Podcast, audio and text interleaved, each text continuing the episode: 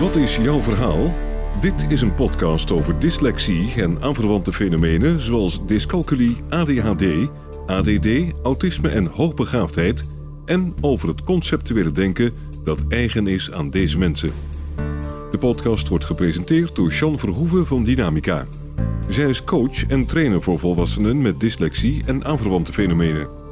Ze gaat ervan uit dat mensen met deze fenomenen allemaal conceptuele denkers zijn. Als je dat weet en weet hoe dit denken werkt, is het mogelijk om een gemakkelijker en succesvoller leven te hebben en effectiever te kunnen functioneren in je studie of je werk. In deze podcast gaat ze in gesprek met mensen die hun eigen verhaal willen vertellen. Een verhaal dat gaat over labels, een andere manier van denken, hun tegenslagen, de voordelen van het conceptuele denken en hun succesverhalen. Sean Verhoeven spreekt uit eigen ervaring. Ze heeft zelf dyscalculie, dyslexie en ADHD. Welkom, Julia. Dankjewel. Fijn dat je mee wil werken aan deze podcast. En zou je je voor willen stellen in het kort?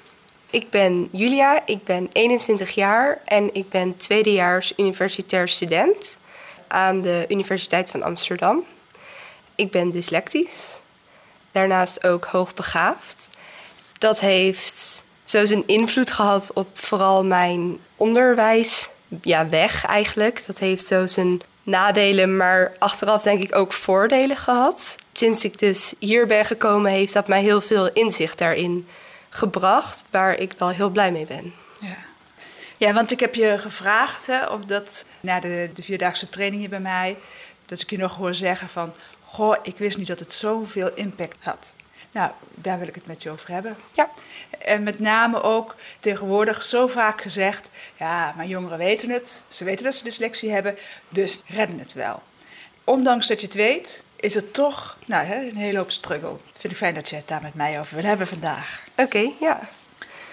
Hoe is het om de diagnose dyslexie te krijgen? Is het prettig, onprettig? Ehm, ja, ik kreeg die diagnose en ik had in het begin zoiets van: wat moet ik hiermee of wat heb ik hier aan? Of ja, verder niks of zo. Want ja, je krijgt het dan via zo'n test. En het enige wat je er eigenlijk mee bereikt op dan middelbare school, kwam ik er dan achter, is extra tijd bij je toetsen. Nou, eerst wou ik er eigenlijk helemaal niks van weten. En had ik zoiets, ja, wat ik eerder zei, wat heb ik hier nou aan en wat moet ik hier verder nou mee?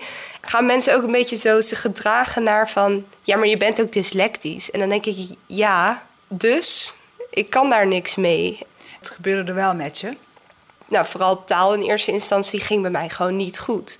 Nou, dan krijg je dus zo'n diagnose en dan denk je wel van... oké, nou, is op zich wel fijn om te weten... maar verder, ja, je kan er gewoon niet zoveel mee. Daarom hield ik het altijd maar een beetje af en meldde ik het ook niet altijd. Ik dacht, ja, heeft toch allemaal niet zoveel zin. In het begin had ik er eigenlijk niet zoveel aan voor mijn gevoel. Verschijnselen ervan die ik er eigenlijk helemaal niet aan gekoppeld heb. Ik heb al mijn hele leven moeite met op tijd komen, op afspraken, maar ook gewoon bijvoorbeeld verbanden leggen. Nou, ik kreeg ook moeite met vakken als scheikunde en biologie en dan niet dus wat je in eerste instantie denkt dat je met dyslexie moeite hebt met schrijven of spellen of lezen, maar ook gewoon met ja, dat je bijvoorbeeld een uitleg niet begrijpt, omdat die heel vaak op één manier herhaald wordt. En dat je na een jaar door het andersom, bijvoorbeeld door iemand die heel anders over denkt, het uitgelegd te krijgen. Dat je denkt, oh, bedoelde die dat? Kwam er dus zeg maar achter dat dyslexie veel meer met zich meebrengt dan alleen een spel- en uh, schrijfprobleem op dat moment ben ik me er ook meer in gaan verdiepen. En kwam ik er dus achter dat ja, dyslexie veel meer is dan alleen dat taalprobleem. En toen had ik zoiets van: misschien zegt dit mij veel meer over wie ik ben dan alleen ik kan niet schrijven, zeg maar. Ja. Wie ben je dan met dyslexie? Nou, je bent natuurlijk gewoon wie je bent. En iedereen heeft karaktereigenschappen en kenmerken. En ja, gewoon sterke punten en zwakkere punten. Ik ging, nou ja, sterke en zwakke punten eigenlijk herkennen in ja, lijstje uh, aangegeven dyslexie kenmerken. En toen dacht ik, hè, maar dat heb ik wel, daar herken ik mezelf in. Dus op die manier kon ik zeg maar mijn eigen karakter, eigenschappen of kenmerken terugvinden in ja, dat lijstje met dyslexie kenmerken. En had ik zoiets van, oh, maar misschien heeft het allemaal wel verband met elkaar. Ja, en kan je er een, een paar noemen? Ja, want we weten, hè, moeite met lezen, moeite met schrijven, spelling, grammatica. Maar ik neem aan dat je andere uh, Ja, precies. Het is veel meer dat, nou, toch wel dat oplossingsgericht denken. En toch ook met hele andere ideeën soms komen dan andere mensen. Of ik kom ook wel eens, zeg maar, dan ligt er een probleem. En dan denk ik, nou, we kunnen dit, dit en dit doen. Alleen dan gaan we dat niet doen, maar het komt al in me op, zeg maar. En het zijn gewoon meerdere oplossingen. En dan ga je gewoon kijken, nou, is het iets? Nee, oké, volgende. Volgens mij erg oplossingsgericht denken. Maar ja, ook dat niet altijd. Dat time management kan lastig zijn, plannen kan lastig zijn. Nou ja, je hebt natuurlijk dat conceptueel denken en niet dat lijndenken, waardoor er soms één grote chaos is in je hoofd. Dat is niet altijd aan de buitenkant te zien bij mij, volgens mij. Want ik lijk heel rustig. De chaos is er wel. Ja. En kan je daar wat over zeggen, hoe het is om altijd druk te zijn in je hoofd? Kan je daar iets over vertellen? Klinkt misschien heel simpel, maar ik ben het natuurlijk gewend. Dus ik heb zoiets van, hoe kan je niet zo denken? Hoezo denken mensen anders? Zeg maar, hoe kan je daar nou niet aan denken of zo op zo'n moment? Dat idee heb ik heel vaak. Wat opleiding betreft, ja, ik, ik, ik denk zoveel dat ik zeg maar ook filter wat ik bijvoorbeeld zeg of wat ik niet zeg. Of dat ik soms wel dingen denk, maar het dan niet uitspreek, omdat je dan, nou ja, komt er weer een heel verhaal achteraan van en waarom denk je dat dan? En die gedachtegang, ik kan niet eens meer bedenken hoe die gedachtegang is gegaan, omdat er zoveel bij kwam kijken, zeg maar. Maar ja, het is niet altijd nadelig. Ik bedoel, het kan ook juist voordelig zijn. Want je denkt wel heel snel en heel veel. Dus het kan lastig zijn, maar het kan ook juist, als je het goed weet over te brengen aan andere mensen, kan het ook voordelig zijn, denk ik. Denk je? Ja, nou ja ik weet niet hoe het is om, om het niet zo te denken, maar het lijkt me dat als je meer denkt, dat je dan ook meer goede dingen denkt, zeg maar, of kloppende dingen, antwoorden op vragen, op oplossingen of wat dan ook. Ja, en ervaar je dat ook ondertussen? Nu je daar meer hè, grip op hebt?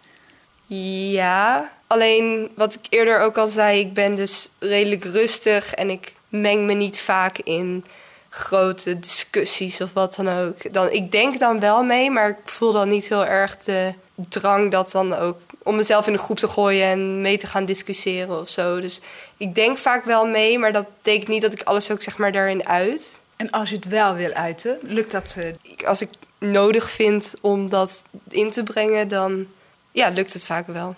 Heb je de ervaring hè, dat je je anders voelt, hè, dyslexiestempel krijgt, als je extra tijd krijgt?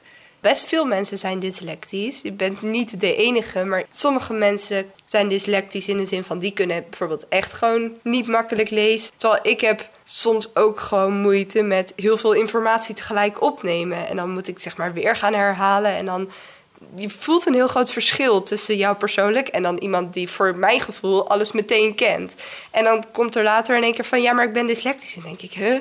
Jij, maar je bent heel anders dan dat ik ben. Dus zo zijn er wel heel veel dyslecten, maar toch is iedereen ja, anders. Dus ja, ik weet niet of ik me ooit anders voel. Maar we verbinden elkaar ook niet, andere dyslectici. Dus kan je ook geen kracht halen uit elkaar. Nee, en ik denk ook eigenlijk dat dat best wel komt omdat niet iedereen de achtergrondinformatie van dyslexie weet. Want je, ja, je doet gewoon een test. Op een dag kom je daar en je vult dat in. De test wordt afgenomen. En vervolgens krijg je dan een stempel dyslexie. En eigenlijk is het gewoon, nou, succes ermee. En uh, doe je ding. Je kan er niet zoveel mee of zo. Het verklaart niet meteen iets. Of het is gewoon de diagnose, maar je weet er eigenlijk nog niks over. En door dat hele, in ieder geval bij, bij mij heel erg hielp, is dat bewust worden van uh, nou, echt dat conceptuele denken en dat lijndenken. Ik wist niet eens dat dat bestond. Maar. En zodra je dat dan te weten komt, dan krijgt het woord dyslexie een betekenis of zo. En dan kan je er ineens wat mee. En ik vind het eigenlijk heel raar dat dat er niet bij wordt verteld als je die diagnose krijgt of zo. Ja, want dat geeft je houvast ja, sinds dat moment zie je ook wat het maar brengt. Ja, en zeg je daarmee ook, dan wordt het meer dan iets niet kunnen? Ik kan er een beeld bij vormen. Het blijft natuurlijk frustrerend soms en het blijft irritant. En waarom kunnen zij dat wel in één keer en ik niet? En allemaal dat soort dingen. Dus het, ik herken het in mezelf. En daarmee heb ik nu zoiets van, nou oké, je bent dyslectisch, je kan niet schrijven, maar het is nu gewoon... Dan wordt het minder een loos woord. Maar dan is het ook, oh ja, dat, zo doe je. Een herkenning. Wat ik elke keer hoor, dat dat zo belangrijk is. Ja. Achteraf heb ik het gevoel dat ik dat miste. Want in het begin, ja, heb ik me er dus wel een beetje tegen afgezet. En maakt mij ook allemaal uit, zeg maar. Ik heb daar niks aan. Maar nu ja, heb ik er veel meer een beeld bij. En dan Eigenlijk zeg je het al, een hele belangrijke tool is, waardoor jongeren zich gemakkelijker zouden kunnen identificeren met die dyslexie op een manier waar ze ook iets mee kunnen. Ja, ik denk dat het wel heel belangrijk is. En ik denk dat het heel veel mensen wel een soort rust brengt. In ieder geval mij, om het... Ja, het krijgt nu in één keer ja, een betekenis, inhoud. Je weet waar het over gaat. Want ja, je doet zo'n test en je kan dus niet goed genoeg lezen en schrijven ben je dus dyslectisch. En dan denk je, ja, maar hoezo dan? En waarom dan? En hoe zit dat dan? En hoe werken mijn hersenen dan? En niemand vertelt dat verder. Of je moet er nu echt goed zelf naar gaan zoeken. En dan kom je hier bij uh, dynamica terecht. En dan, ja, dan krijg je wel dat verhaal. En als je rust hebt, dan kan je dingen doen. Ja, je eigen manier van werken neer gaan zetten. Ja, wordt het nog interessant, zeg maar ook. Eindelijk krijg je een vraag op wat, wat is dat dan, dyslexie? Ja, het is iets in je hersenen, maar wat dan? En hoe dan? En dan weet je dat. En dat is eigenlijk best leuk om te weten hoe je eigen hersenen werken. Je hebt die vierdaagse training hier gevolgd. Wat, wat kan je daar nu mee? Ik denk dat het mij ook een soort van, ja, eigenlijk die rust wel een soort van heeft gebracht, maar misschien haast meer onbewust dan echt bewust. Dyslexie is dus niet alleen een probleem en dat heb ik hier geleerd. En dan heb je natuurlijk nog steeds momenten dat je denkt, ik trek dit niet. dan, dan weet je ook wat het je wel brengt. Als ik nu een verschil zie met mijzelf en bijvoorbeeld echt een lijndenker, dat zie ik nu. En dat vind ik nu ook zeg maar een soort van leuk. Dat ik denk, oh ja, dit is het. Ook gewoon meteen weer heel interessant van dat ik weer verder denk, maar hoe dan? En hoe, wat denk jij dan nu? En hoe denk ik dan nu? En vertel eens die tussenstappen. En daarmee zeg je dat je nu dan het uit kan buiten. En dat je vragen kan stellen in plaats van jezelf maar afmaken van waarom kan ik het niet? Ja. Uh, waarom horen ze me niet? Waarom verstaan ze me niet? Ja, precies. Dus ook veel minder op mezelf gericht. Hoe zit het dan in mijn hoofd en waarom kan ik dit niet? Maar wat is het verschil tussen ons en waarom denk jij zo en ik zo? Komen we dan alsnog op hetzelfde uit? En als jij dit zou moeten tekenen, hoe ziet dat er dan uit? En ik vraag nu ook heel vaak: oh ja, en als ik nu zeg, denk eens aan dit. Wat zie je dan? Zie je dan een plaatje in je hoofd of een uh, woord of zo? Ja, krijg je verschillende reacties. Ja, vind ik dat leuk om met mezelf te vergelijken, zeg maar. Of gewoon, hé, hey, denk eens aan een olifant en hoe ziet hij er dan uit? Vergelijk je dat met je eigen olifant. Denk je gewoon, oh, wat grappig. En dan kan je daar een verhaal vertellen over beeld- en lijndenkers bestaan of niet. En het moment gaat voorbij, maar dan heb je gewoon weer zo'n, nou, eigenlijk best een leuk moment met jezelf. Ja, in plaats van dat je het in uh, moet houden of dat je hè, bozig wordt op jezelf. Ja. En als je boos wordt, wordt het weer drukker in je hoofd. Ja. Als je dat zo zit te vertellen, ga je er ook bij glimlachen. Ja, en dan is het natuurlijk ook veel leuker om naar elkaar te kijken, te luisteren, dan wanneer die frustratie ja. uh, gaat spelen. Inderdaad. En dan kan je weer bij die rust blijven. Ja. Ja. Is het gemakkelijk om dyslexie en hoogbegaafdheid te zijn? Op de basisschool is bij mij niet aan dyslexie gedacht, omdat ik dat altijd wist te compenseren op de een of andere manier ik was gewoon niet zo goed in spelling, maar dat hebben wel meer kinderen. Ik bedoel, de ene is niet goed in rekenen en de ander in spelling en de ander in gym. Dus iedereen heeft zo wel zijn mindere kanten. Daarom is er zeg maar nooit verder over nagedacht of dat iets zou betekenen of niet. Toen kwam ik op de middelbare school. Toen viel ik door de mand met die moderne vreemde talen als Frans en Duits. En dat ging gewoon helemaal niet. Ja, wat ik eerder al zei, ik denk heel veel. En ik denk ook maar heel diep na over wat er dan staat. En dan staat er misschien wel de meest simpele vraag. En dan denk ik, oh, het kan nooit zo makkelijk zijn. En dan ga ik er heel diep over nadenken wat het zou kunnen zijn. Achteraf krijg ik dan het commentaar van, maar dit is de vraag helemaal niet. Ja, dus daarmee zeg je eigenlijk dat het niet is dat je extra tijd nodig hebt om het feitelijke lezen, maar om te kiezen hoe je die vraag gaat beantwoorden. Ja, inderdaad. Het gaat eigenlijk helemaal niet om die extra tijd. Ja, ik vind dat heel simpel. Als je zegt je bent dyslectisch, je kan niet lezen en niet schrijven, dus geef je extra tijd omdat je moeite, moeite hebt met die teksten te lezen. Ja. En dan kan je zoveel extra tijd krijgen als je wil, maar als je de vraag anders interpreteert dan dat er staat, of dan dat je docent denkt dat er staat, dan heb je niks aan die extra tijd. En dat interpreteren is niet omdat je het niet goed leest, maar dat is omdat woorden zo vaak anders uit te leggen zijn en dat je dan in dat beeld terechtkomt en dat er allerlei opties zijn om één hè, vrij simpele vraag te kunnen beantwoorden. Ja, precies. Iedereen met dyslexie daar tegenaan loopt. Of er nou wel of geen hoogbegaafdheid bij zit, of ADHD of ADD. Maar dat dat inschatten, want wat bedoelen ze nou precies? Ja. Wordt dat gemakkelijker nu je weet dat je in beelden denkt en nu je weet waar dat vandaan komt, dat inschattingsprobleem? Nou, ik probeer nu gewoon zoveel mogelijk op mijn eerste ja, gedachte eigenlijk bij het lezen van zo'n vraag te vertrouwen. Het zegt heel vaak, het eerste wat je denkt is het goede antwoord. Maar ja, dan komt er weer zo'n heel verhaal omheen. En het kan ook allemaal dat zijn. Dus dan, ja, dan ga je weer heel snel te ver doordenken. Maar um, klinkt misschien heel vaag, maar een soort van proberen te denken voor iemand anders. Zo van, ja, heel simpel. Gewoon, wat staat hier nou? En dan, wat zou iemand hiermee bedoeld hebben? Als je dat erbij bedenkt, helpt dat vaak al wel wat. Dus dat is een mooie tip voor iedereen. Ja. En dat je dan het eerste wat je denkt opschrijft. Ja. ja. Je, zei ook om erop te kunnen vertrouwen dat je goed zit. Hoe komt het dat je je daar nu op kan vertrouwen? Hoe meer ik erover na ging denken, hoe, ja, hoe zeg je dat? Hoe vaker het eigenlijk fout ging. Had ik op een dag zoiets van, nou, dan ga ik nu maar eens alles opschrijven wat ik gewoon als eerste denk. En dan kijk ik gewoon hoe dat uitpakt. Misschien werkt het wel beter. En ja, ik heb toch niet veel te verliezen daarin. Wat dat betreft werkte dat toen eigenlijk best goed. Toen had ik zoiets van, nou laten we dat dan maar eens doorzetten. Want toen kreeg je in één keer een, een, voldoende voor je toets. Ja. Het werkt dus ook. Het is zo belangrijk dat je weet hoe dat denken gaat, Ja. dat het conceptuele denken jezelf constant onderuit haalt als je verdwijnt in dat denken.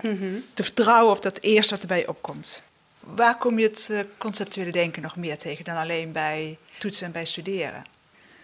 Ja, ik denk dat je dat conceptuele denken eigenlijk altijd en overal wel ja, hebt. En misschien niet altijd even bewust van bent. Maar zodra iemand een verhaal vertelt, bij wijze van spreken is iemand in de bergen. En dan zie ik al dat hele bergdorp vormen en hoe iemand dan beweegt. Ik, heel gedetailleerd zie ik dat dan maar als gewoon een 3D-plaatje bewegen. Dus ik denk dat dat al dat conceptuele denken is. Alleen dat je er dan veel minder bewust mee bezig bent. Ik kan best druk zijn met welke haarkleur iemand heeft, terwijl dat er helemaal niet toe doet voor het verhaal inhoudelijk. Maar daar denk ik dan wel opeens aan. En dan zou dat natuurlijk kunnen afleiden van degene die het verhaal aan het vertellen is. Ja, jij kan het ook laten om het dan in het gesprek eh Ja, mee het te nemen. doet er verder niet toe. Dus Nee. dat, Want ik merk soms wel dat dat hè, wel onderdeel van het gesprek eh, wordt. En dat is natuurlijk bij iedereen ook weer eh, anders. Maar dat ik dan hè, in één keer over de haarkleur kan beginnen... terwijl het eh, heel erg anders over eh, Ja, het verschil denk ik ook wel waar het over gaat. Ja, gewoon inhoudelijk waar het over gaat en welke details worden benoemd. En ja, ook in wat voor setting je zit, denk ik. Wat kunnen we doen om het jongeren gemakkelijker te maken? Ten eerste veel meer uitleg moet komen over dus dyslexie inhoudelijk. Gewoon al op de basisschool zou ik zeggen. Dat, dat kinderen niet meer het beeld van dyslexie krijgen van... oh, die kan niet schrijven, want dat is dus te simpel. Maar als je gewoon meteen die kinderen vertelt dat het dus ook al die andere zaken erbij zijn... dan verandert het woord dyslexie al heel erg. Waardoor er denk ik en bij die kinderen die dyslexie hebben... meer begrip komt naar zichzelf... en meer begrip komt van andere mensen naar die mensen met dyslexie... wat het betekent en hoe dat zich uit. Dus ik denk dat er eigenlijk gewoon veel meer maatschappelijk ja, begrip voor moet komen... maar ook meer uitleg. Want in principe kunnen mensen er ook niks aan doen... dat ze niet weten wat het inhoudelijk betekent... als die informatie maar zo weinig wordt aangeboden. Dus ik denk dat het veel meer op basisscholen en dan ook op die weg ouders bereikt, dat die bewustwording gewoon meer belangrijker wordt. Ja. Want volgens mij weten veel ouders ook niet wat het betekent. Ja, nee, mijn kind is niet dyslectisch, die is heel slim. Dan denk ik, ja, maar dat heeft niks met elkaar te maken. Meer begrip komen voor wat het is. Ik merk bij mezelf dat die bewustwording heel veel heeft geholpen. Je kan trainen zoveel je wil, maar dat, dat werkt ook niet. Je kan die woordjes blijven oefenen, maar zo zit het nou helemaal niet. Ik denk dat het gewoon het beseffen van wat dyslexie is eigenlijk het belangrijkste is. Ja. Hoe ver weten mensen het van je? Iedereen weet wel dat ik dyslectisch ben, want ik heb dus die extra tijd bij toetsen, dus ik blijf altijd zitten. Wat ik wel heel leuk vond, is dat ik vooral met andere dyslectische mensen erover heb. Zo van, goh, weet jij wat conceptueel denken is? Weet je dat dat überhaupt bestaat? Nou, vaak hoor je dan nee. Vind ik het wel leuk om daar gewoon eens iets over uit te leggen en dan kijken wat mensen daarvan vinden. En vaak hebben mensen zoiets van, huh, wat is dat dan en wat betekent dat dan? En dan ja, kan je daar best leuk gesprekken over hebben. Dus ik heb dat meer met dyslectici onderling dan met andere mensen. Dan met niet-dyslectici. Dat we zo weinig een bond voeren, zo weinig steun van elkaar eh, krijgen. Maar het is zo belangrijk om steun te vinden bij elkaar. Ik stap ook niet op iemand af omdat hij dyslectisch is. Het is dan wel dat je ja, toch eerst soort van vrienden bent of met elkaar moet samenwerken. Of je komt wel eerst in contact op een ander punt en dan ook meer als het dan een keer ter sprake komt. Ja. Ik, ik zou niet zo snel op iemand afstappen van hé, hey, ik weet dat jij ook dyslectisch bent, hoe doe jij dat nou, dat leren of zo. Nee, en je wordt ook niet vriend op basis van dyslexie, maar op basis van Ja. wie je bent. Ja. Je bent ook hoogbegaafd. Mhm. En hoe, hoe is dat ontdekt? Eigenlijk tegelijk met die dyslexie. Het kwam ook uit die test van je bent dyslectisch en hoogbegaafd. En waarschijnlijk zou dat een reden kunnen zijn waardoor je toch zo, ja, hoe zeg je dat, ver bent gekomen. Want ik heb dit dus pas op de middelbare school getest zonder dat er eerder echt aanleiding voor was. Dat ik inderdaad altijd dat heb weten te compenseren of zo. En wat was dan het specifieke dat het hoogbegaafdheid maakt? Wat ik eerder zei, ik vond dat in die tijd eigenlijk allemaal een beetje... "Nou, wat moet ik hiermee? En hoogbegaafdheid had ik zoiets van... "Hè, nou, dat heb ik nou echt nog nooit bij mezelf gezien. En dan kom je natuurlijk ook wel weer bij dat dyslexie erbij. Dat ja, het, het compenseert elkaar, waardoor je uiteindelijk misschien toch op een soort van nullijn uitkomt. Want hoogbegaafdheid zou dan. Het stereotype is dat hoogbegaafde en hoogintelligente mensen altijd tienen halen en super slim zijn. Ja, ik dan niet, want ik begrijp die toetsvragen niet. Dus ik kom er niet uit. Dus ik eindig weer met een 4 of een 5. Toen kwam dat eruit en dan zit ik daar van... volgens mij klopt het niet. Ik ben helemaal niet zo of zo. Ik haal nooit een 10, weet je wel? Dan, dan denk je meteen zo weer in dat stereotype. Wat die hoogbegaafdheid doet, is, eh, is ook dat conceptuele denken. Vraag van alle kanten gaat bekijken. Ja. Omdat je je niet voor kan stellen dat mensen zulke simpele vragen stellen. Ja. En dat er zoveel mogelijkheden zijn om een vraag te beantwoorden. Waardoor je dus juist weer op die vier terechtkomt. Ja, precies. Dus ik heb dat, dat heb ik eigenlijk echt nooit echt aan mensen verteld. Omdat ik zat best wel in een slimme klas, zeg maar. En dan zat ik toch altijd qua cijfers dan een beetje zo... Nou, niet aan de top. En dan had ik altijd zoiets van... Nou, waarom is het eigenlijk nodig dat te melden? Eigenlijk ben ik dat ook pas een beetje, hoe zeg je dat, gaan accepteren... sinds dat ik hier bij Dynamica was. En sinds ik die ook begrijp wat dyslexie is... ben ik me daar ook in gaan interesseren, zeg maar. Ja. En, en wat levert dat op nu, dat je dat eh, weet? Ja, nou, ik denk dat het dus nog veel meer ook die positieve kanten van dyslexie. En zo heeft het dat hoogbegaafdheid ook positieve kanten. Ja, als je dat weet en ook een soort van dat accepteert en weet dat je dat ten goede van jezelf kan komen, kan je er eigenlijk alleen maar een soort van trots op zijn, denk ik. En wat levert het op om trots te zijn? Ja, nou ja, vooral dan nu voor mezelf, want ik heb het er nog steeds niet heel uitgebreid over dat ik dan hoogbegaafd ben of zo. Ik, ik doe er eigenlijk verder niks mee, ik meld het niet of zo aan mensen. Dus het is vooral gewoon voor mezelf dat ik het een goed gevoel geeft. Ja, een beter zelfbeeld. Ja, het draagt eraan bij. Ja. Meer rust? Ja, maar dat zit hem denk ik ook vooral weer in die bewustwording en acceptatie ervan, ja. Ja. Ja. Dus ook dat, of het nou dyslexie is, hoogbegaafdheid, ADHD, ADD, dat je weet hoe het zit, hoe het werkt, dat dat alleen al rust kan geven, Ja. waardoor je het leven gemakkelijker wordt. Of minder vervelend. Hoogbegaafdheid Ja. kreeg ik heel erg het gevoel erbij dat je daar ook naar moet gedragen en daarnaar moet presteren. En als het dan niet lukt, dan waar is het dan of zo? Is het er dan wel echt? Dan krijg je een beetje dat idee. Dan vond ik die dyslexie minder moeilijk om te delen, omdat daar is toch dan, denk ik, toch weer iets meer begrip voor dan de stereotypering van hoogbegaafdheid. En nog even voor de helderheid, we hebben eh, mensen die hoog intelligent zijn en we hebben mensen die hoogbegaafd zijn. Mhm. En hoog intelligente mensen zitten hè, meer op die lijn, de structuur, van begin naar Ja. eind, van klein naar groot. Begaafdheid zit veel meer in dat oplossingsgerichte Ja. denken, in het die stappen maken, hè, alles van alle kanten bekijken, waardoor je, hè, waar je ook wel gek van kan worden en dus niet concreet antwoorden kan geven, waardoor je er weer niet gezien wordt. Moeilijk is om je om gehoord te ja, worden. inderdaad. Ja. En dan dat daar dan punten onder leiden, of toetsen onder leiden. Ja. En nogmaals, waar het over gaat, is dat we samen gaan werken. Want dat zei je dus straks wel mooi. Als je nou ziet van, oh, dat is een lijn denken, dat je dan vragen kan gaan stellen. En dat je dan kan zorgen dat je op die lijn komt en dat je met elkaar kan werken. Ja. In plaats van dat je in paniek raakt of in het slecht zelfbeeld eh, op gaat spelen of boos of Ja. geïrriteerd. Eh, iedereen doet het anders. Maar dat je door te weten hoe het zit, kan gaan samenwerken. Ja. Precies, nou, en daar gaat het over. Wat je ook al eerder zei, iedereen heeft al wat. En het is zo belangrijk om te weten wat dat wat is. We hebben dus straks al een tip eh, genoemd hè, van vertrouwen op het eerste wat er bij je opkomt. Niet nadenken. Andere mensen leren dat ze na moeten denken, maar vooral niet nadenken. Mhm. Ja, ja. Heb je nog een andere tip? Dingen los durven te laten. Dus erop durven vertrouwen dat je dingen weet. En inderdaad die eerste gedachtegang volgen. Ja, ook niet, ook niet gaan overleren omdat je bang bent dat je het niet kent. Na een tijdje moet je het ook gewoon wegleggen. En moet het tijd hebben om te bezinken. En dan moet je niet doorgaan en doorgaan en doorgaan. Want dan werk je jezelf alleen maar tegen. Proberen dat op jezelf te vertrouwen in de eerste instantie. Ja.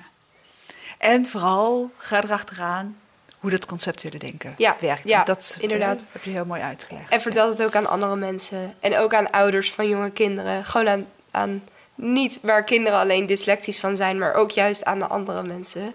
Zodat het gewoon een breder maatschappelijke aandacht krijgt. Ja, mooi. Dankjewel. Dankjewel. Wil je reageren op deze podcast of heb je vragen? Stuur dan een mail naar podcast.dynamica.nl. De reacties zullen worden meegenomen in volgende podcasts. John Verhoeven geeft coaching, workshops en trainingen. Wil je meer informatie?